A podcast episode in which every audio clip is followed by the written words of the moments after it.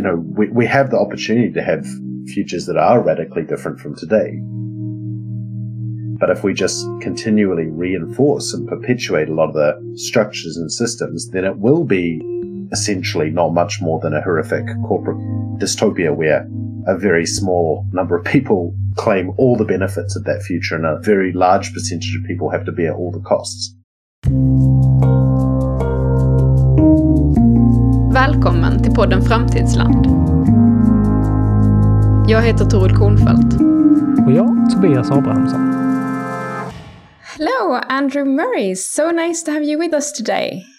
Great to be here. Thank you for the opportunity. So, do you want to start by telling us a bit about who you are and, and what you work with? Sure. So I'm a research liaison officer at the Stockholm Resilience Centre, which is part of Stockholm University. Uh, so in that role, I sort of sit a little bit between uh, research, communications. Uh, I also work on a little bit th- about thinking about the sort of strategic future of the Stockholm Resilience Centre and where we might be able to bring in partners and, and other kinds of funding. So I, I, really think that I sort of sit between uh, different kinds of worlds uh, in my job. Um, and I finished my PhD uh, a few years ago, focusing on the future of the oceans um, and trying to come up with scenarios for, you know, we know that a lot of things are, are changing, uh, but what does the future look like and what are the implications for, for humans? Tell me a bit about more about the PhD project. What did you what did you do and, and why did you choose to focus on the ocean? It's interesting, I think, that I don't have one of those origin stories like a superhero where they like have this amazing moment that made them change and devote their lives to, to something. Um, but I, of course, being from New Zealand originally, having lived in Sweden now for 12 years, the ocean has been part of my kind of blood and my DNA right from the beginning. So many childhood memories and things are associated with the ocean. Uh, so it's maybe not so surprising that I ended up focusing on both my master's and my PhD on the ocean. But a lot of it more pragmatically was the fact that there was a really great opportunity to be part of a very cool project called the Nereus program, which had the uh, not so humble idea of predicting the future ocean. And it brought together a bunch of universities from around the world who were focused on different aspects of thinking about the ocean's future and what the, the science was. Uh, so you had climate modelers, you had people who would focus on, you know, the inputs from agriculture into the ocean, marine plastics, aquaculture, uh, how species were shifting in response to changes in the ocean. And at the Stockholm Resilience Center, we were focused on the governance angle.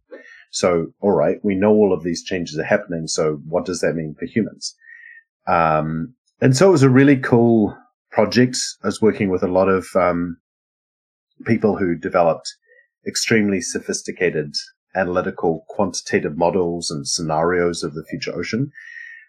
But that's kind of intimidating to think like, well, how do I contribute to that? And, and also the sense of like, okay, a human's just going to be an input to your model. Do you just want to get that governance variable that you're going to stick in?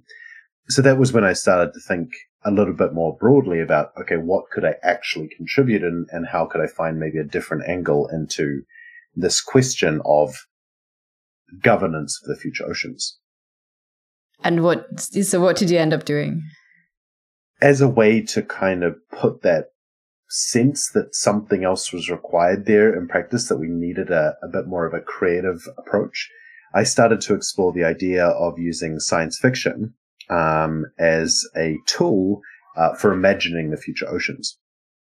And as I sort of started to do that, I wrote uh, one story about a sort of CEO of a um, a fishing company who ended up kind of essentially privatizing the solution to world hunger. And there was a lot of a kind of reaction that there's a lot of these sort of stories about the ocean that people don't really reflect on very, very critically. And when I started this process, I thought, well, I'm not even sure this is really science. And is there even a method to actually apply science fiction to these kind of scenarios?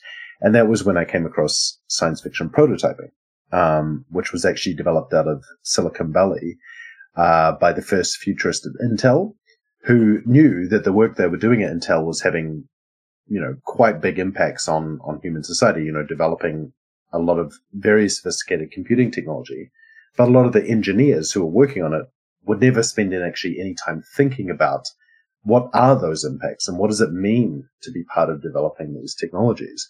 And so he sort of developed this process to create these narrative prototypes uh, of the future impacts of particular kind of technology. And then I took that method and applied it to the science of the future oceans and came up with these short science based narratives of, of, the future ocean, which were in themselves science fiction stories. Um, so this kind of imagination led approach to thinking about the, about the future.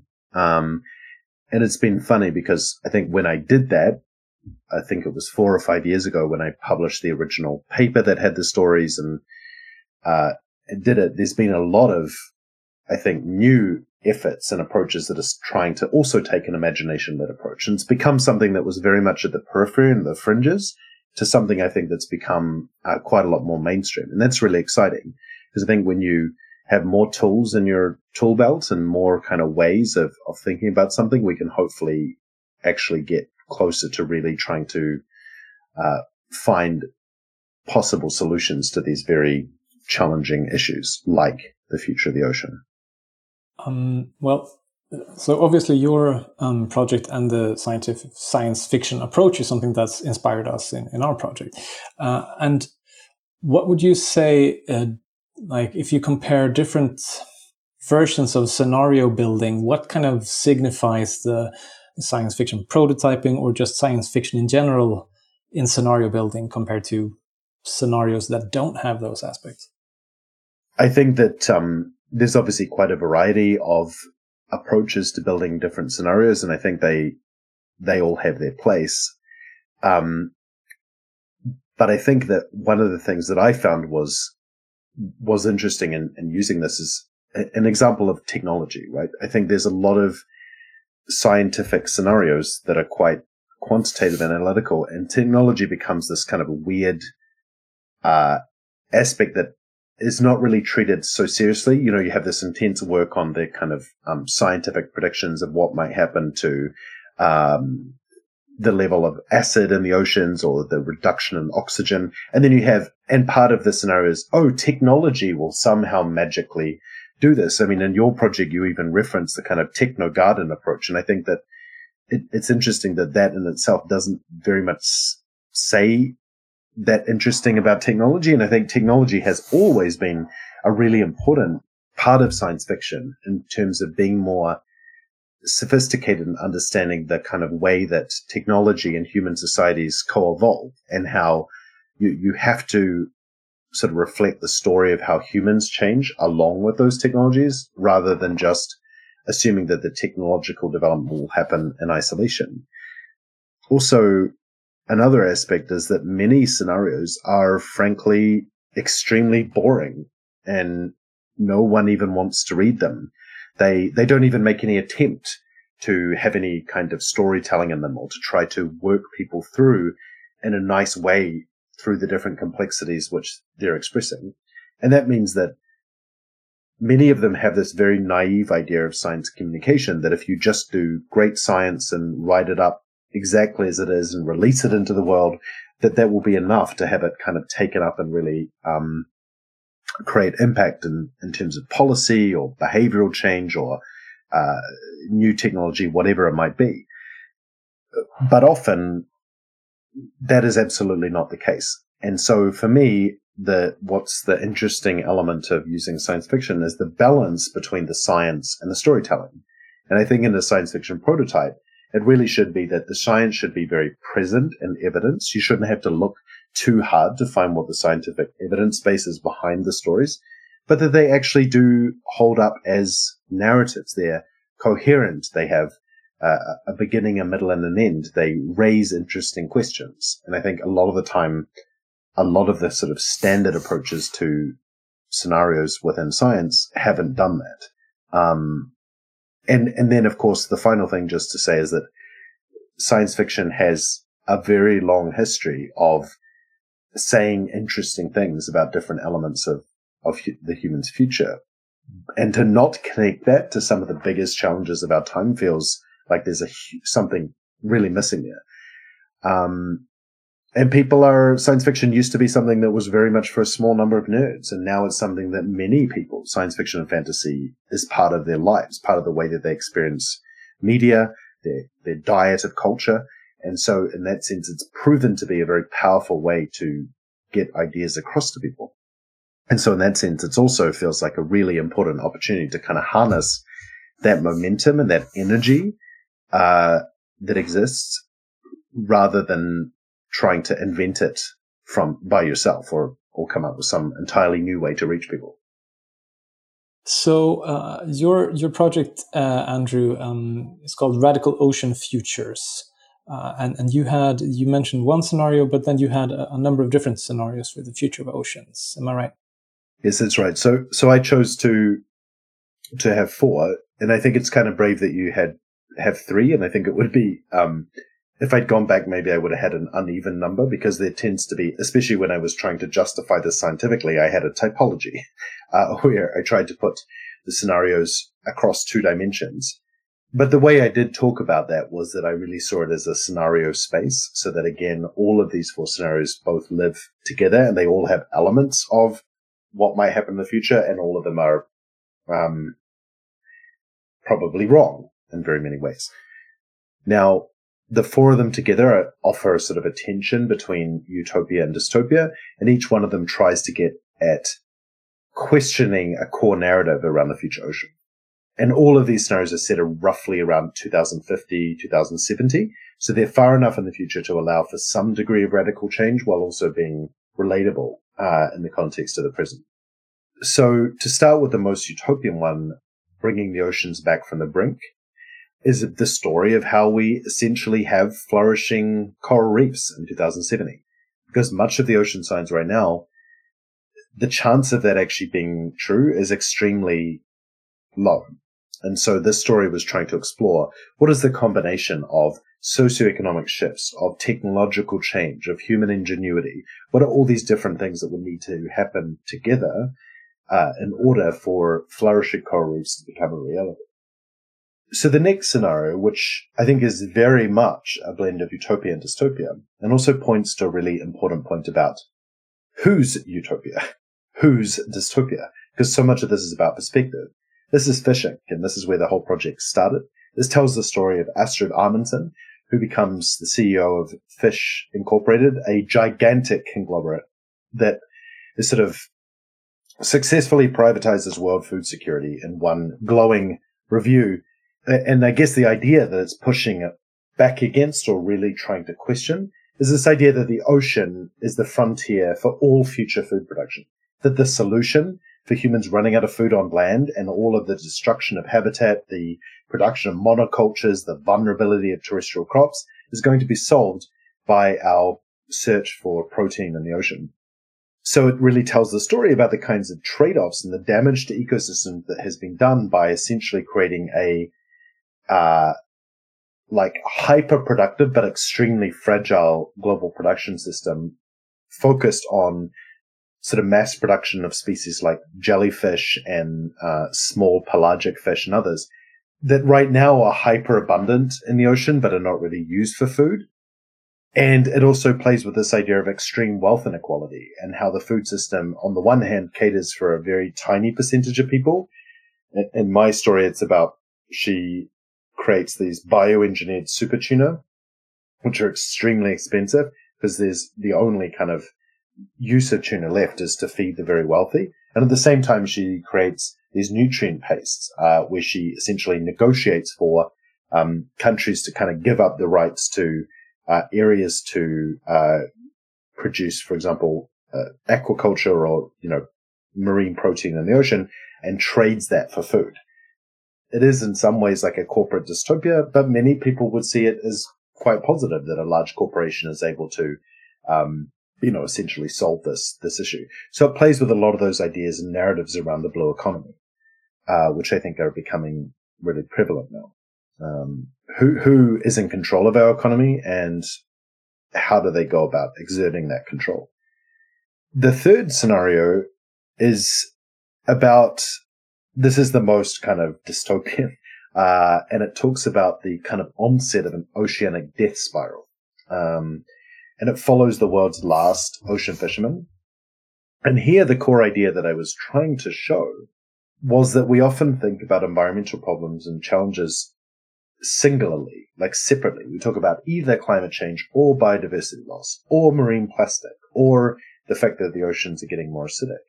But the reality is all of these things are happening at once and we have to prepare for and anticipate for the idea that we might cross a whole bunch of environmental tipping points. And that means that things could radically shift because many of these things happen together. Uh, it's not only going to be sea level rise, right? We're going to have sea level rise areas with low oxygen, shifting species due to climate change. And, and this tries to, through a series of diary entries, follow this world's last fisherman, ocean fishermen, as they sort of experience different elements of this oceanic death spiral. To try to give the readers a sense of what complexity actually means, about how different ideas uh, and problems kind of interact and what that means for our ability to, to solve them. So many of us know about this idea of wicked problems, you know, problems that are composed of many different elements and the interactions are just as important as the distinct pieces. So that's what that's, this scenario is really trying to get at. And the final scenario, uh, rising tide is very much from my own experience coming from New Zealand, living in the Pacific and that Melanesian, Polynesian, Micronesian uh, communities, many of them are facing an existential threat. You know, we often talk about sea level rise, and for some parts of the world, it's a very sort of academic question, but for places like Kiribati or Tuvalu, it's absolutely existential. But often, the way that's talked about is just like, well, you know, their civilizations will essentially disappear under the ocean waves. They'll all become climate refugees. It's extremely like disempowering and problematic narrative. What I wanted to play with in this scenario is sort of questioning that idea and thinking about what would civilizational renewal look like uh, in this context. And of course, this is aided by the fact that many of these areas in the Pacific are some of the largest remaining sort of reservoirs of marine biodiversity.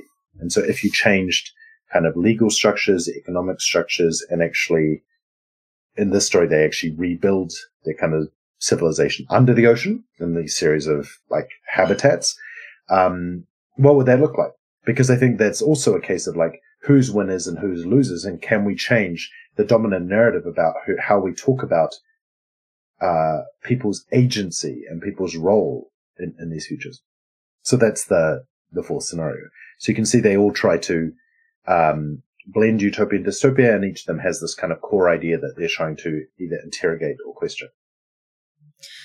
You you've sort of touched on this, but what in in a sort of best case scenario, what do you hope to achieve by creating these science fiction scenarios? What are the sort of what do you hope to get in terms of sort of outcomes or results from people engaging with them?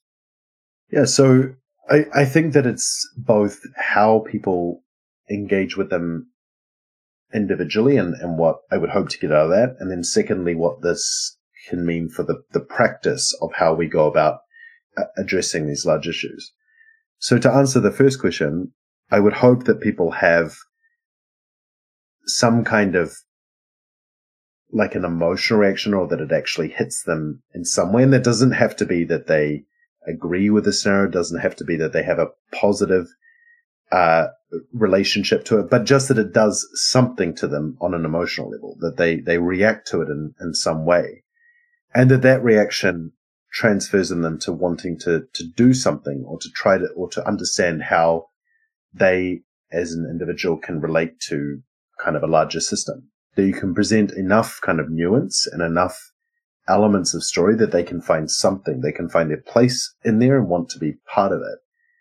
And of course, this just starts with them by reading the narrative. You'd hope that they would then read some of the scientific uh, resources behind it and realize, like, oh, that's really interesting. I hadn't connected those two ideas together.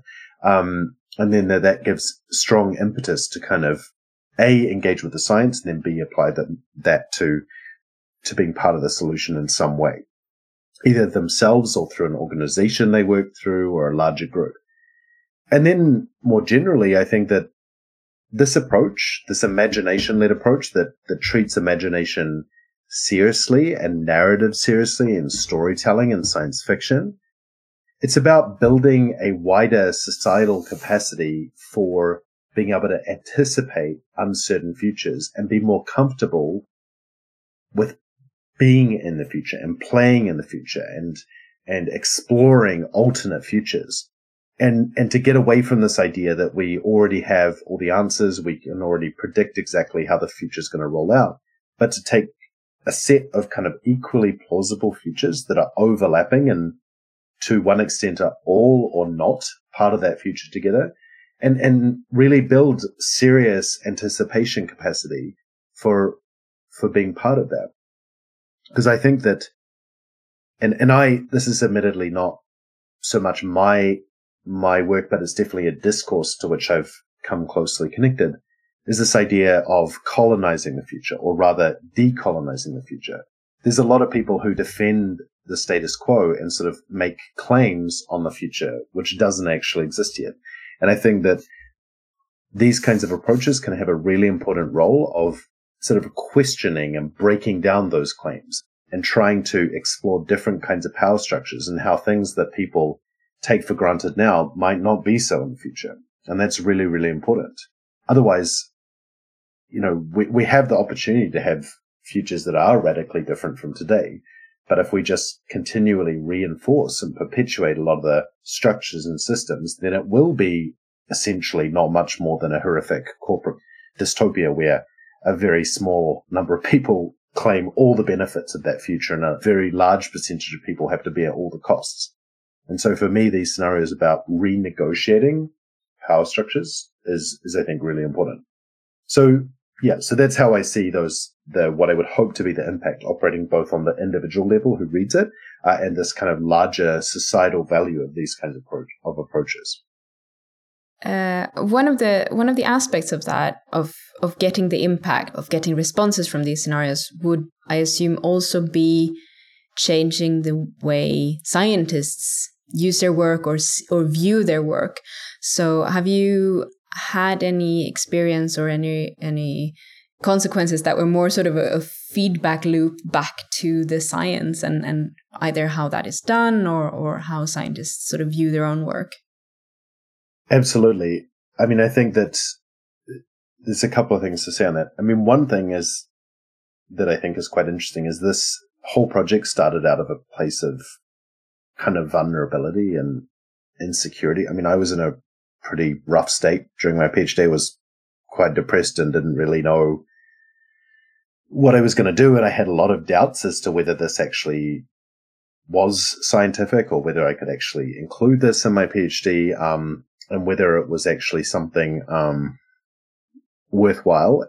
And and as I kind of went through the process and found a lot of energy and created them, it's been really interesting since the original release of that paper that and, and some of this this pushback didn't come in from so much within the Stockholm Resilience Center, but more like sort of colleagues in the the wider Nereus program or others who sort of were you know there's a lot of questioning like well this is this really science? And I remember this moment of actually having the project featured in an editorial in Nature, uh, where they said like, this is about, this project has value as part of teaching and supporting scientists to be able to tell stories of their own work. And, and that was a really great kind of point of validation, I suppose, to both the scientific quality of what I'd done, but also really clearly pointed to the value that this could provide more broadly in science.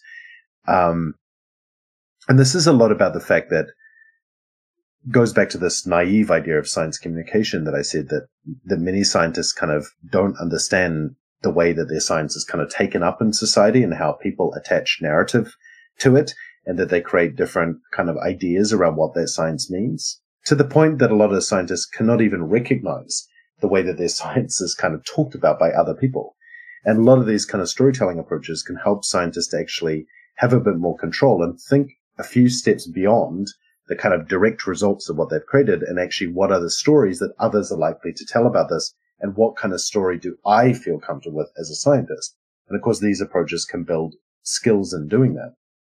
And then one of my co-authors, Pat Keys, who he's actually been working a lot with this approach uh, with different kinds of scientists. He teaches this in his sea level rise class, in his class on geoengineering. He's worked with a whole bunch of people who are doing kind of global change biology and atmospheric science and things, and, and actually applied science fiction prototyping to their scientific work. So there are a lot of examples now where these kinds of approaches are being more broadly applied in science and, and the value of them um, is being accepted. And that that then, yeah, forces you to then reflect on your own scientific process and how you kind of, the different ways you think about the future and, in the work that you're doing now. How much of how we shape our future do you think is governed by our ideas of the future, of our of these imaginings of the future, compared to you know just basic materialistic realities of of you know a world, the world sort of moving along a specific economic or or materialistic parts. Can you talk a bit about sort of that um, conflict, perhaps? Sure. I mean, probably I, I, think I'll start this with something that we've all heard so many times before that it's maybe cliched, but it still matters. It's harder for people to imagine the end of capitalism than it is to imagine the end of the world. Um, we've all heard that quote before, but I think it's super relevant in this case because I think that the, there are so many things which are not considered to be stories anymore. They're not considered to be a part of imagination, but they in fact are. The corporation is a social construction of humanity. Capitalism is something which both has a materiality, but is also a story that we tell ourselves about how an economic system needs to work. Uh, in the same way that the search for alternatives can get stuck in previously received ideological stories that we need to challenge and we need to come up with different kinds of alternate futures. So sometimes the material realities can seem overwhelming uh, in terms of the fact that, well, this is just the way things are. But it's only just the way things are because those stories continue to perpetuate themselves. And that's why I think the more and more people that are trained in these imagination led approaches, the more we can challenge the assumptions and the realities of what is considered to be uh, standard economics, what is considered to be non-negotiables in our society, what is considered to be unacceptable trade-offs. I think the other thing that's really important to to reflect on here is the kind of relationship between utopia and dystopia. I mean, I I'm someone who in, in my project I really tried to hold utopia and dystopia in tension because I'm not especially convinced of the argument that that the only way to consider the future is just to have positive stories about the future. I think you need to recognize that the future is complex. There are going to be winners. There are going to be losers. Uh, there are going to be really painful transition periods. There's going to be a lot of inequities and injustice. There's going to be a lot of um, breakdown and collapse in order for new things to emerge. And so we have to take all of that into consideration seriously. And it's been interesting that as there's been so much more kind of mass media that has focused on sort of dystopian narratives. A lot of the kind of shift within scientific narratives around things like climate change is, oh, we have to be really positive and utopian and, and the idea of being dystopian is really disempowering. But I, I tend to take this idea that both of those are important. And, and why that relates to your question is I think if we're actually going to successfully question these material realities and lean into certain things. We, we have to accept that some things are very, very difficult to change and some things are radically uncertain.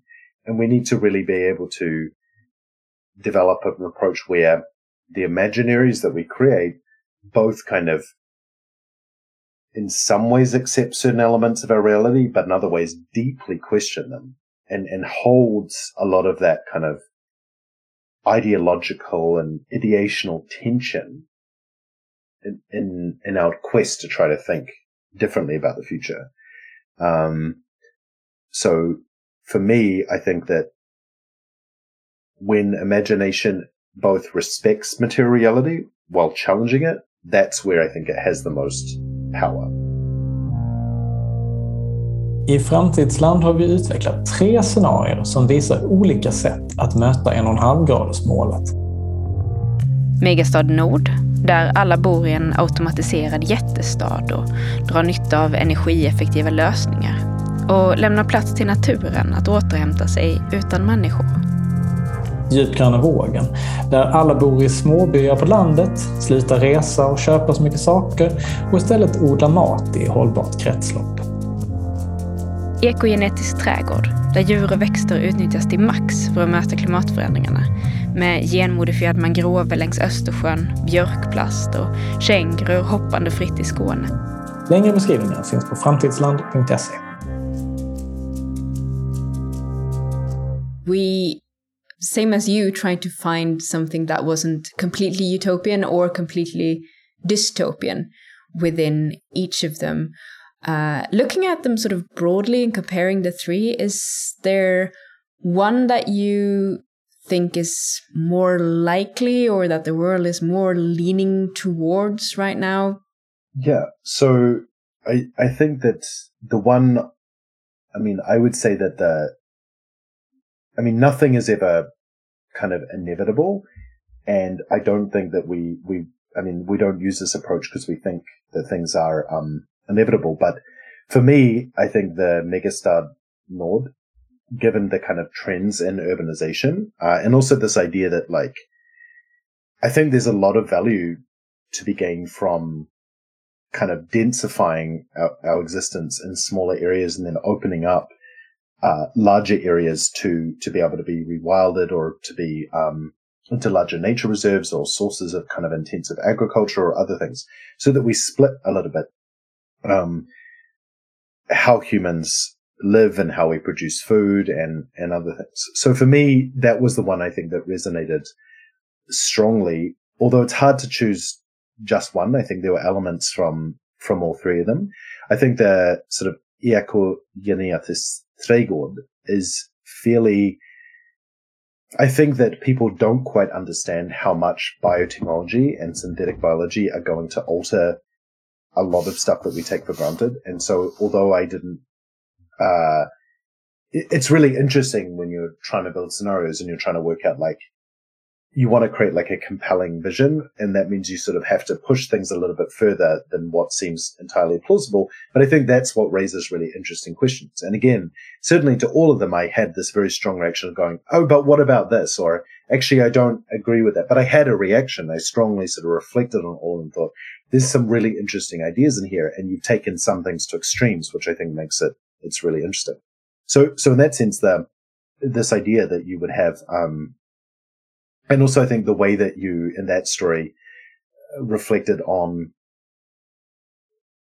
the sort of spiritual element or how a cultural shift might lead to sort of the acceptance of biotechnology in a way that right now feels like there's a lot of kind of opposition to even the the basic idea of any kind of genetic engineering was really interesting. Um, because we know, of course, that social norms are, are, are really critical in terms of changing changing behaviors and turning things that were previously not accepted into things that actually are are accepted.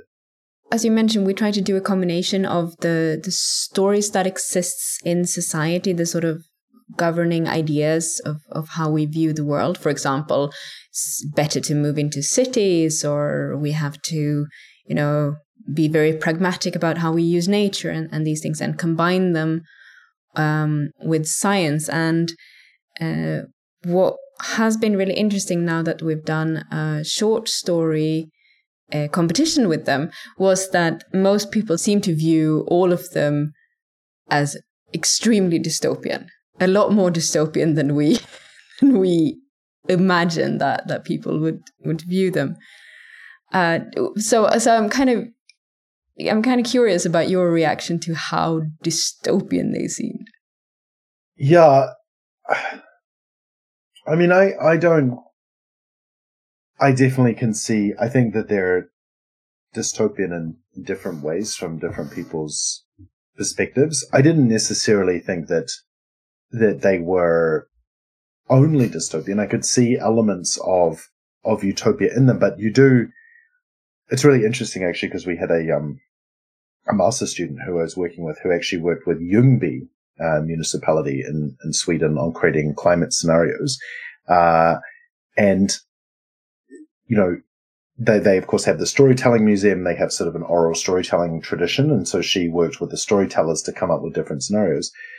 But what was interesting in her work is she, uh, did, took a real critical social science approach in terms of trying to understand what were the underlying kind of mythologies that people tell themselves or stuff that is, when I think about the question in relation to dystopia, I think that these scenarios challenge a lot of the myth making around how people think about the future. And I, I think like obviously the the genetic engineering side, like turning that into a really, really major part of our future is is really terrifying for a lot of people. Um, and so I can understand, you know, how that is dystopian. I, I was interested that the third one, the the third scenario, so the deep green scenario, I think that's really interesting because quite often when people, like one of the things I found extremely frustrating in participatory scenario processes is people just think like small groups of people making decisions locally is fundamentally good and that they don't actually question the idea that in fact that is extremely restrictive and, and kind of like not necessarily a vision of society that many people would want to to build into. And I also really like the fact that you combined kind of this right wing nationalism and the ideas of that with this kind of extreme uh, environmental movement, and that both of them had their own reasons for why they would appeal. So you get these like strange political alliances. Um, that's obviously quite uh, dystopian, and I think it makes people very uncomfortable to think that their kind of local production uh, you know, not being part of globalization is connected to a set of quite problematic ideas because that's often not how people think about it. And then Megastad Nord, the, I think the idea of like AI and, and robots and, and a lot of kind of taking things out of the hands of human and giving it to other kinds of sort of entities is also kind of scary for people. So yeah, there are definitely strong dystopian elements in each of them. But I hope people would be able to kind of reflect on and take it one step further and see that all of them read quite um, realistically to me in a way. I, I think that you you managed to kind of balance off different sorts of trade-offs and realities in society in a way where you didn't fall into the trap of techno optimism, which I think is really important, but at the same time, you also were took technology seriously and focused on very specific technologies and how they might play out um, in society. I think where sometimes also people take it as dystopian is that they want all the benefits of technology without actually really um, seriously questioning some of the downsides of that. But then, just to make a final point on the the dystopian thing, I think that if you take the scenarios read really well together. And I think that the three of them operate really well together. And I think if you take out certain elements of each of them, you can see how you can start to build a, a kind of more of a utopian approach to thinking about like Sweden's climate future. So yeah, I don't know how well that answers the question, but I, but I would say like, yeah, there are strong dystopian elements, but I think that there's a certain bravery in the scenarios, which is, is important too. Um, and that feels like more something that can get people can get their teeth into and really ask interesting questions about what are the myths we tell ourselves and what kind of future do we really want in Sweden. And of course, the the scenarios are are fairly uh, limited in that was sort of a, a way of dealing with complexities, mm. like going ru- running in one direction and one direction only with with each of them. Mm. Um, we we tried to have an approach where we wanted our futures to be kind of on the scale necessary mm. um, to because we're, we're working with the Paris Climate Agreement mainly, but also thinking about some planetary boundaries, right? Yeah. So we want to illustrate with these scenarios that they're like extreme in the kind of choices that have been made, but they're not extreme in the amount of change compared to today. Do, do you um, think we succeeded with that based on your background within the Resilience Center as well, right? Because you have a kind of a general knowledge of what's needed, I think.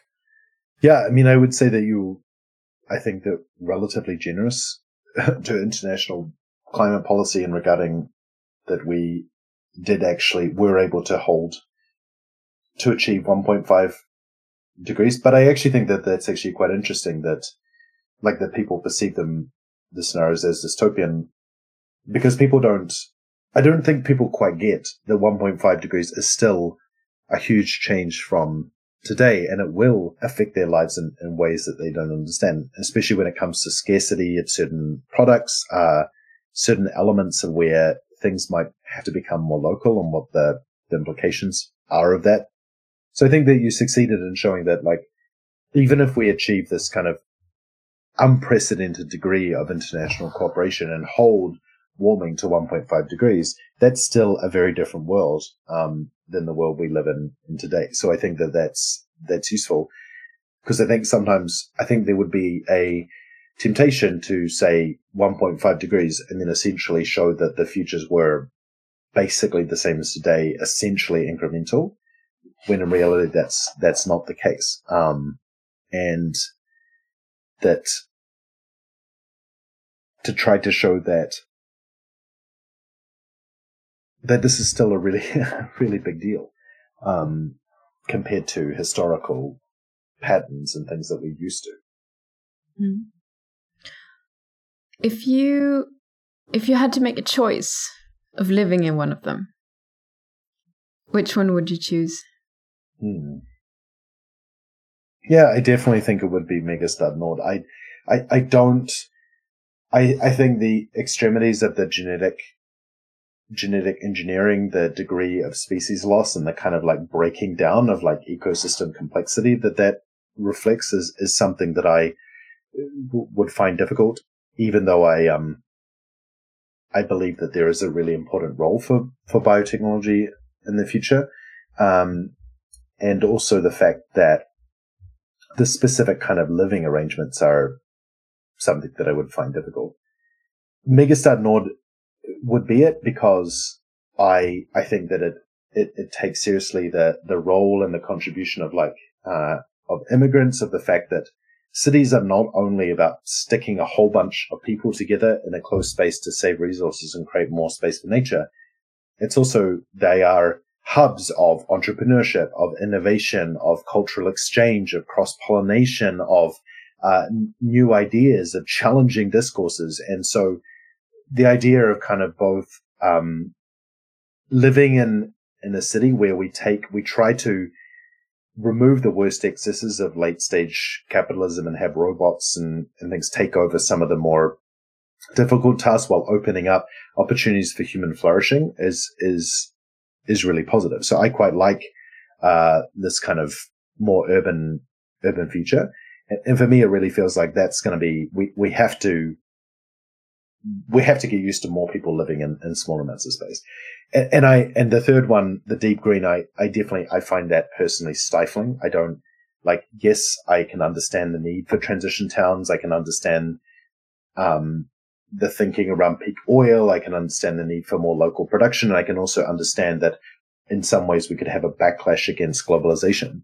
But I'm a New Zealander living in Sweden, uh, who's uh, like part Lebanese, who um, has a like a family. I live between between cultures. My my world and my worldview has been shaped through being a global citizen. I don't want to be a global consumer, but I want to be a global citizen.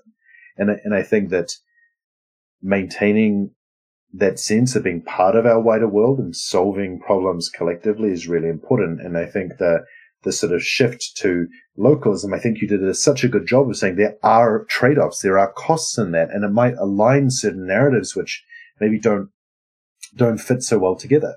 I definitely think the future will require more this need to to scale down certain things, the need to obviously make sure that we focus on seasonal ingredients, to make sure that certain um, products and services that we use can't have the same kind of climate impact as what they did. So there will be a shift towards localism, but I still would like that to be in this context of this humans doing things together, closely packed and exciting test beds of, of, of the future. So yeah, I'm on the verge of rambling now, but that would be how I would answer that question.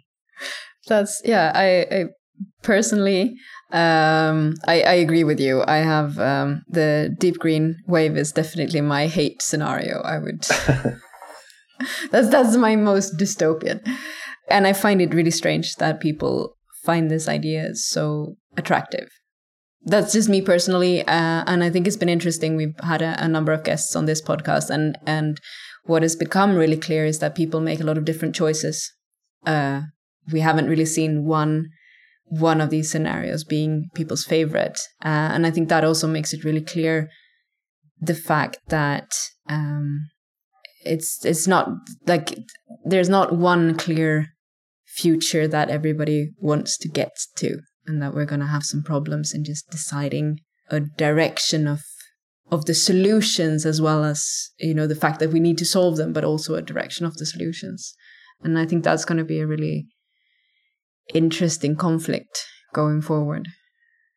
Absolutely. And, and that's why this kind of work in terms of imaginaries creating different visions of the future choosing to yeah to open space rather than shutting space down for alternate futures is so incredibly critical because if we never actually take seriously the conflicts and values, the the different kinds of trade-offs, the inherent contradictions in the way we think about what we want versus what we actually want, um, or what that would actually look like in terms of a future society, I think is is so so critical, and and not letting essentially corporations or or others kind of inadvertently decide what the future is going to be through the way that they create, you know, visions of what that is and create certain things which are simply impossible to be, to be questioned. Um, and at the same time, you have this kind of counter movements where people think, well, surely everyone wants to give up, uh, you know, so many of the different aspects of of modern conveniences of technology and things and go back to this kind of reconnecting with nature. I think that there's different ways that you can reconnect to nature and different ways you can reconnect with the biosphere. And it doesn't have to be this kind of one monolithic approach. If we want to protect nature and reconnect to the biosphere, we have to have diversity. If we want to create futures that are fairer, more prosperous and more, um, with, with flourishing ecosystems, they also have to be about diversity. And, and so how do we preserve and nourish that diversity into the future, including in how we think about the future? It is, feels critical to me. Yeah, that's a good ending place, I think.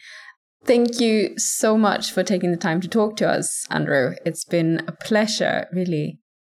Uh, and I just wondered if you have any tips, if if someone who has listened to this have become really interested in your work or in this idea of using science fiction as a way of imagining future in general, do you have any pointers, any anywhere they should go and look for more information? Sure. So if you're interested in in my project, you can head head to radicaloceanfutures.earth where the scientific paper is open access. You can see the artwork, the the music, the the voiceovers, um, as well as a related project that I did on the future of uh, fisheries conflict. So that's all on that on their website. We've already mentioned Ministry for the Future. I think anyone who's interested in like seriously taking the future seriously and how it might play out, um, and and also not to mention like what does the future under climate change really feel like? I think the first chapter of that book, where it focuses on the heat wave uh, in in India, is is brutal but it feels like a must read, um, given the world we're going into.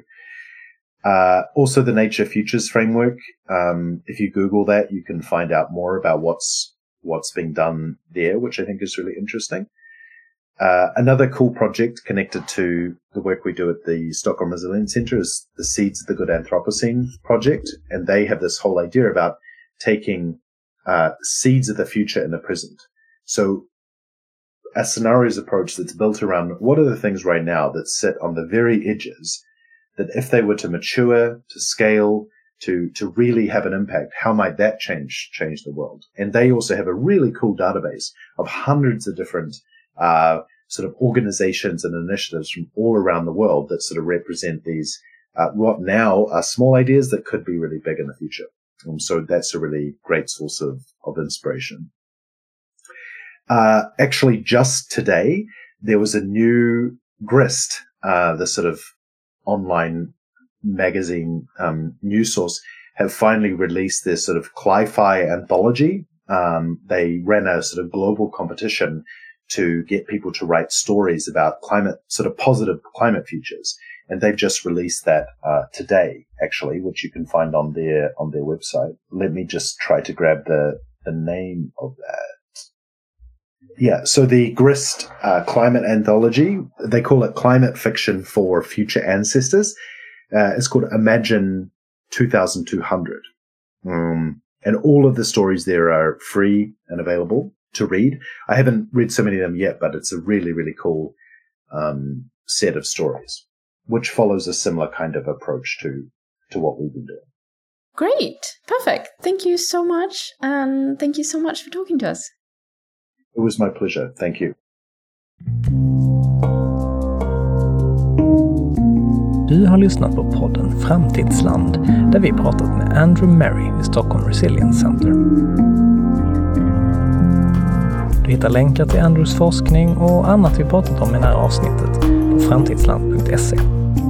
Där finns också bland annat noveller som utspelar sig i våra scenarier och mer information om klimat och omställningsforskning. Framtidsland finansieras av Formas. Vi två heter som sagt Toril Kornfeldt och Tobias Abrahamsson och ljudproducent för det här avsnittet är Tobias Andreasson. det här avsnittet producerades våren 2022.